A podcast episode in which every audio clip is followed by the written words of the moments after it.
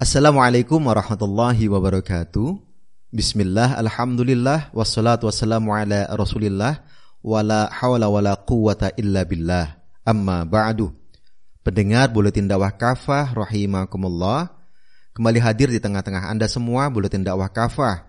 Kali ini edisi 241. 21 Ramadan 1443 Hijriah, 22 April 2022 Masehi. Kali ini akan mengangkat tema Awas kezaliman akan dibalas. Bismillahirrahmanirrahim. Di tengah suasana Ramadan dan menjalani ibadah puasa, rakyat negeri ini dihadapkan pada kehidupan yang makin sulit. Salah satunya karena kebijakan pemerintah yang menaikkan harga BBM jenis Pertamax hingga menjadi Rp12.500 per liter dari sebelumnya Rp9.000 per liter. Disusul adanya sinyal pemerintah untuk menaikkan harga BBM jenis Pertalite, minyak solar, juga gas LPG 3 kg. Dalam rapat kerja bersama Komisi 7 DPR pada hari Rabu 13 April 2022, Menteri ESDM Arvin Tasrif menyebutkan bahwa pemerintah dalam jangka menengah akan melakukan penyesuaian harga Pertalite dan minyak solar serta LPG 3 kg sebagai respon atas lonjakan harga minyak dunia. Dikutip dari CNBC Indonesia 19 April 2022. Sebelumnya, pemerintah juga menaikkan PPN hingga 11 persen yang mulai berlaku sejak tanggal 1 April 2022. Kenaikan PPN ini tentu akan memicu kenaikan harga-harga barang di tingkat konsumen. Ini tentu akan makin membebani rakyat di tengah daya beli mereka yang makin melemah, terutama sejak awal pandemi COVID-19 hingga saat ini. Belum lagi kenaikan harga-harga kebutuhan pokok, khususnya minyak goreng, yang nyaris menyentuh dua kali lipat yang gagal dikendalikan oleh pemerintah. Pendengar rahimakumullah, sebuah kezaliman. Kebijakan pemerintah menaikkan pajak, juga harga-harga kebutuhan pokok seperti BBM dan gas yang hakikatnya berasal dari sumber daya alam milik rakyat secara langsung telah merampas harta milik rakyat secara zalim Padahal harta adalah salah satu bagian dari kehidupan manusia yang mendapat perlindungan Islam. Tidak boleh ada yang mengganggu dan merampas harta seseorang. Tidak boleh juga memungut harta seseorang tanpa izin syariah. Bahkan pemerintah sekalipun haram melakukan pemaksaan pungutan apa pun dari rakyatnya, kecuali pungutan yang memang telah diakui dan dibenarkan oleh syariah. Namun, di dalam sistem kapitalisme sekuler seperti saat ini, berbagai macam pungutan atau pajak justru menjadi sumber utama pendapatan negara. Pajak dan berbagai pungutan lainnya tentu menambah beban kehidupan masyarakat. Ironisnya, pada saat kondisi kehidupan yang sedang sulit sekalipun seperti saat ini, pungutan pajak bukannya dikurangi atau dihilangkan, malah makin ditambah. Padahal, di sisi lain, pemerintah tidak menjamin kesejahteraan bagi seluruh warganya. Di dalam Al-Quran telah terdapat larangan mengganggu dan merampas harta manusia tanpa alasan yang hak. Bisa Anda lihat di Quran Surah An-Nisa ayat 29. Larangan mengganggu dan merampas harta juga disampaikan oleh Rasulullah Shallallahu Alaihi Wasallam dalam khutbah al-wada. Inna dima'akum wa amwalakum wa a'radakum haramun alaikum kahurmati yaumikum hadha fi syahrikum hadha fi baladikum hadha. Sungguh darah kalian, harta kalian dan kehormatan kalian haram atas kalian sebagaimana haramnya hari kalian ini pada bulan kalian ini dan di negeri kalian ini. Hadis riwayat Al-Bukhari dan Muslim. Karena itu, Islam melarang keras tindakan ghosob. Ghosob menurut kitab Al-Muhid fil adalah mengambil sesuatu secara zolim dan memaksa. Menurut Dr. Khalid Al-Musyaiqih, ghosob adalah menguasai hak orang lain baik hartanya atau hak gunanya secara paksa tanpa alasan yang benar. Ghosob bukan saja terjadi antar individu, tetapi juga bisa dilakukan oleh negara terhadap rakyatnya. Berbagai pungutan yang ada di luar syariah Islam seperti pajak atas penghasilan, kendaraan, tanah, rumah, barang belanjaan dan sebagainya adalah kezaliman karena tidak didasarkan pada ketentuan syariah. Inilah yang dimaksud Allah SWT dengan firman-Nya yang artinya memakan harta sesama kalian dengan cara yang batil. Kebijakan inilah yang telah diperingatkan keras oleh Islam. Abu Khair radhiyallahu an berkata, Maslamah bin Makhlad gubernur di negeri Mesir saat itu, menawarkan tugas penarikan pajak kepada Ruafi bin Sabit radhiyallahu an. Ia berkata, "Sungguh aku pernah mendengar Rasulullah shallallahu alaihi wasallam bersabda, "Inna sahibal maksi finnar." Sungguh para pemungut pajak diazab di neraka. Hadis riwayat Ahmad. Karena itu, kebijakan memungut pajak apalagi dengan kadar pungutan yang mencekik rakyat adalah kebijakan yang sangat zalim. Sama halnya dengan kebijakan pemerintah untuk terus menaikkan harga BBM dan gas atau LPG. Pasalnya, BBM dan gas hakikatnya berasal dari sumber daya alam milik umum atau rakyat. Tak seharusnya BBM dan gas dibisniskan untuk meraih keuntungan sebanyak-banyaknya. Apalagi dengan selalu mengikuti kenaikan harga minyak dunia.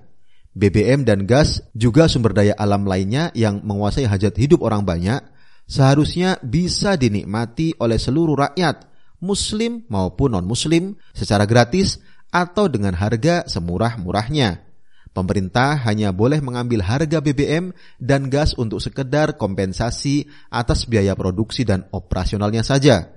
Kalaupun pemerintah mengambil untung, tentu keuntungan itu sebesar-besarnya harus kembali kepada rakyat. Pendengar rahimakumullah, kezaliman akan dibalas. Rasul Shallallahu Alaihi Wasallam banyak memperingatkan penguasa dan pemimpin zalim. Mereka adalah pemimpin jahat dalam hadis riwayat At-Tirmizi. Pemimpin yang dibenci oleh Allah SWT dibenci oleh rakyat dan membenci rakyatnya dalam hadis riwayat Muslim.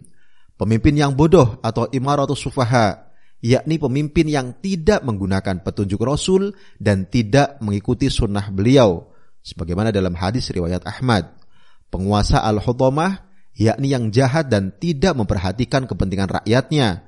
Dalam hadis riwayat Muslim, penguasa yang menipu atau ghashin pada rakyat, sebagaimana dalam hadis riwayat Al-Bukhari dan Muslim.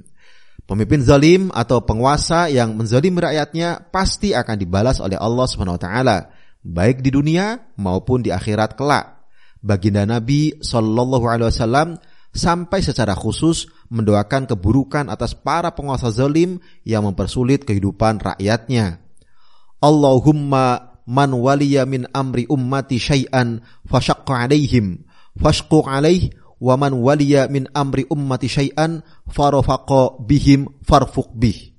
Ya Allah, siapa saja yang mengurusi urusan umatku, lalu dia menyusahkan mereka, maka susahkanlah dia. Siapa saja yang mengurusi urusan umatku, lalu dia menyayangi mereka, maka sayangilah dia. Hadis riwayat Muslim. Tentu saja doa baginda Nabi Shallallahu Alaihi Wasallam di atas pasti akan dikabulkan oleh Allah Swt. Karena itu sungguh keterlaluan jika para penguasa abai terhadap doa ini. Pendengar rahimakumullah, kekuasaan adalah amanah. Dalam pandangan Islam, kekuasaan adalah amanah.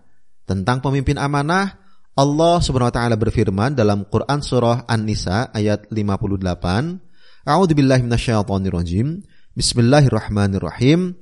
Innallaha ya'murukum an tu'addul amanati ila ahliha wa idza hakamtum bainan nasi an tahkumu bil adl. Sungguh Allah menyuruh kalian memberikan amanah kepada orang yang berhak menerimanya juga menyuruh kalian jika menetapkan hukum di antara manusia agar kalian berlaku adil. Imam At-Tabari dalam tafsir At-Tabari menukil perkataan Ali bin Abi Thalib radhiyallahu an. Kewajiban imam atau penguasa adalah berhukum dengan hukum yang telah Allah turunkan dan menunaikan amanah. Jika ia telah melaksanakan hal itu, maka orang-orang wajib mendengarkan dan mentaati dia, juga memenuhi seruannya jika mereka diseru. Inilah dua sifat yang melekat pada pemimpin yang adil. Pertama, menjalankan hukum-hukum Allah SWT dalam pelaksanaan ibadah umat, muamalah, hukum-hukum ekonomi Islam, tentang kepemilikan, pengelolaan kekayaan milik umum, keuangan negara, hukum peradilan dan pidana Islam, hudud, jinayat, ta'zir maupun mukhalafat, hukum-hukum politik luar negeri, dan sebagainya. Yang kedua, menunaikan amanah riayah, yakni memelihara semua urusan umat seperti menjamin pemenuhan kebutuhan pokok, sandang, pangan, papan bagi tiap individu warga negara, menjamin pemenuhan pendidikan, kesehatan dan keamanan secara cuma-cuma, serta melindungi rakyat dari berbagai gangguan dan ancaman. Dalam memelihara urusan rakyat, penguasa hendaklah seperti pelayan terhadap tuannya. Sebabnya, Sayyidul Qawmi Khadimuhum. Pemimpin kaum itu laksana pelayan mereka. Hadis riwayat Abu Nuaim.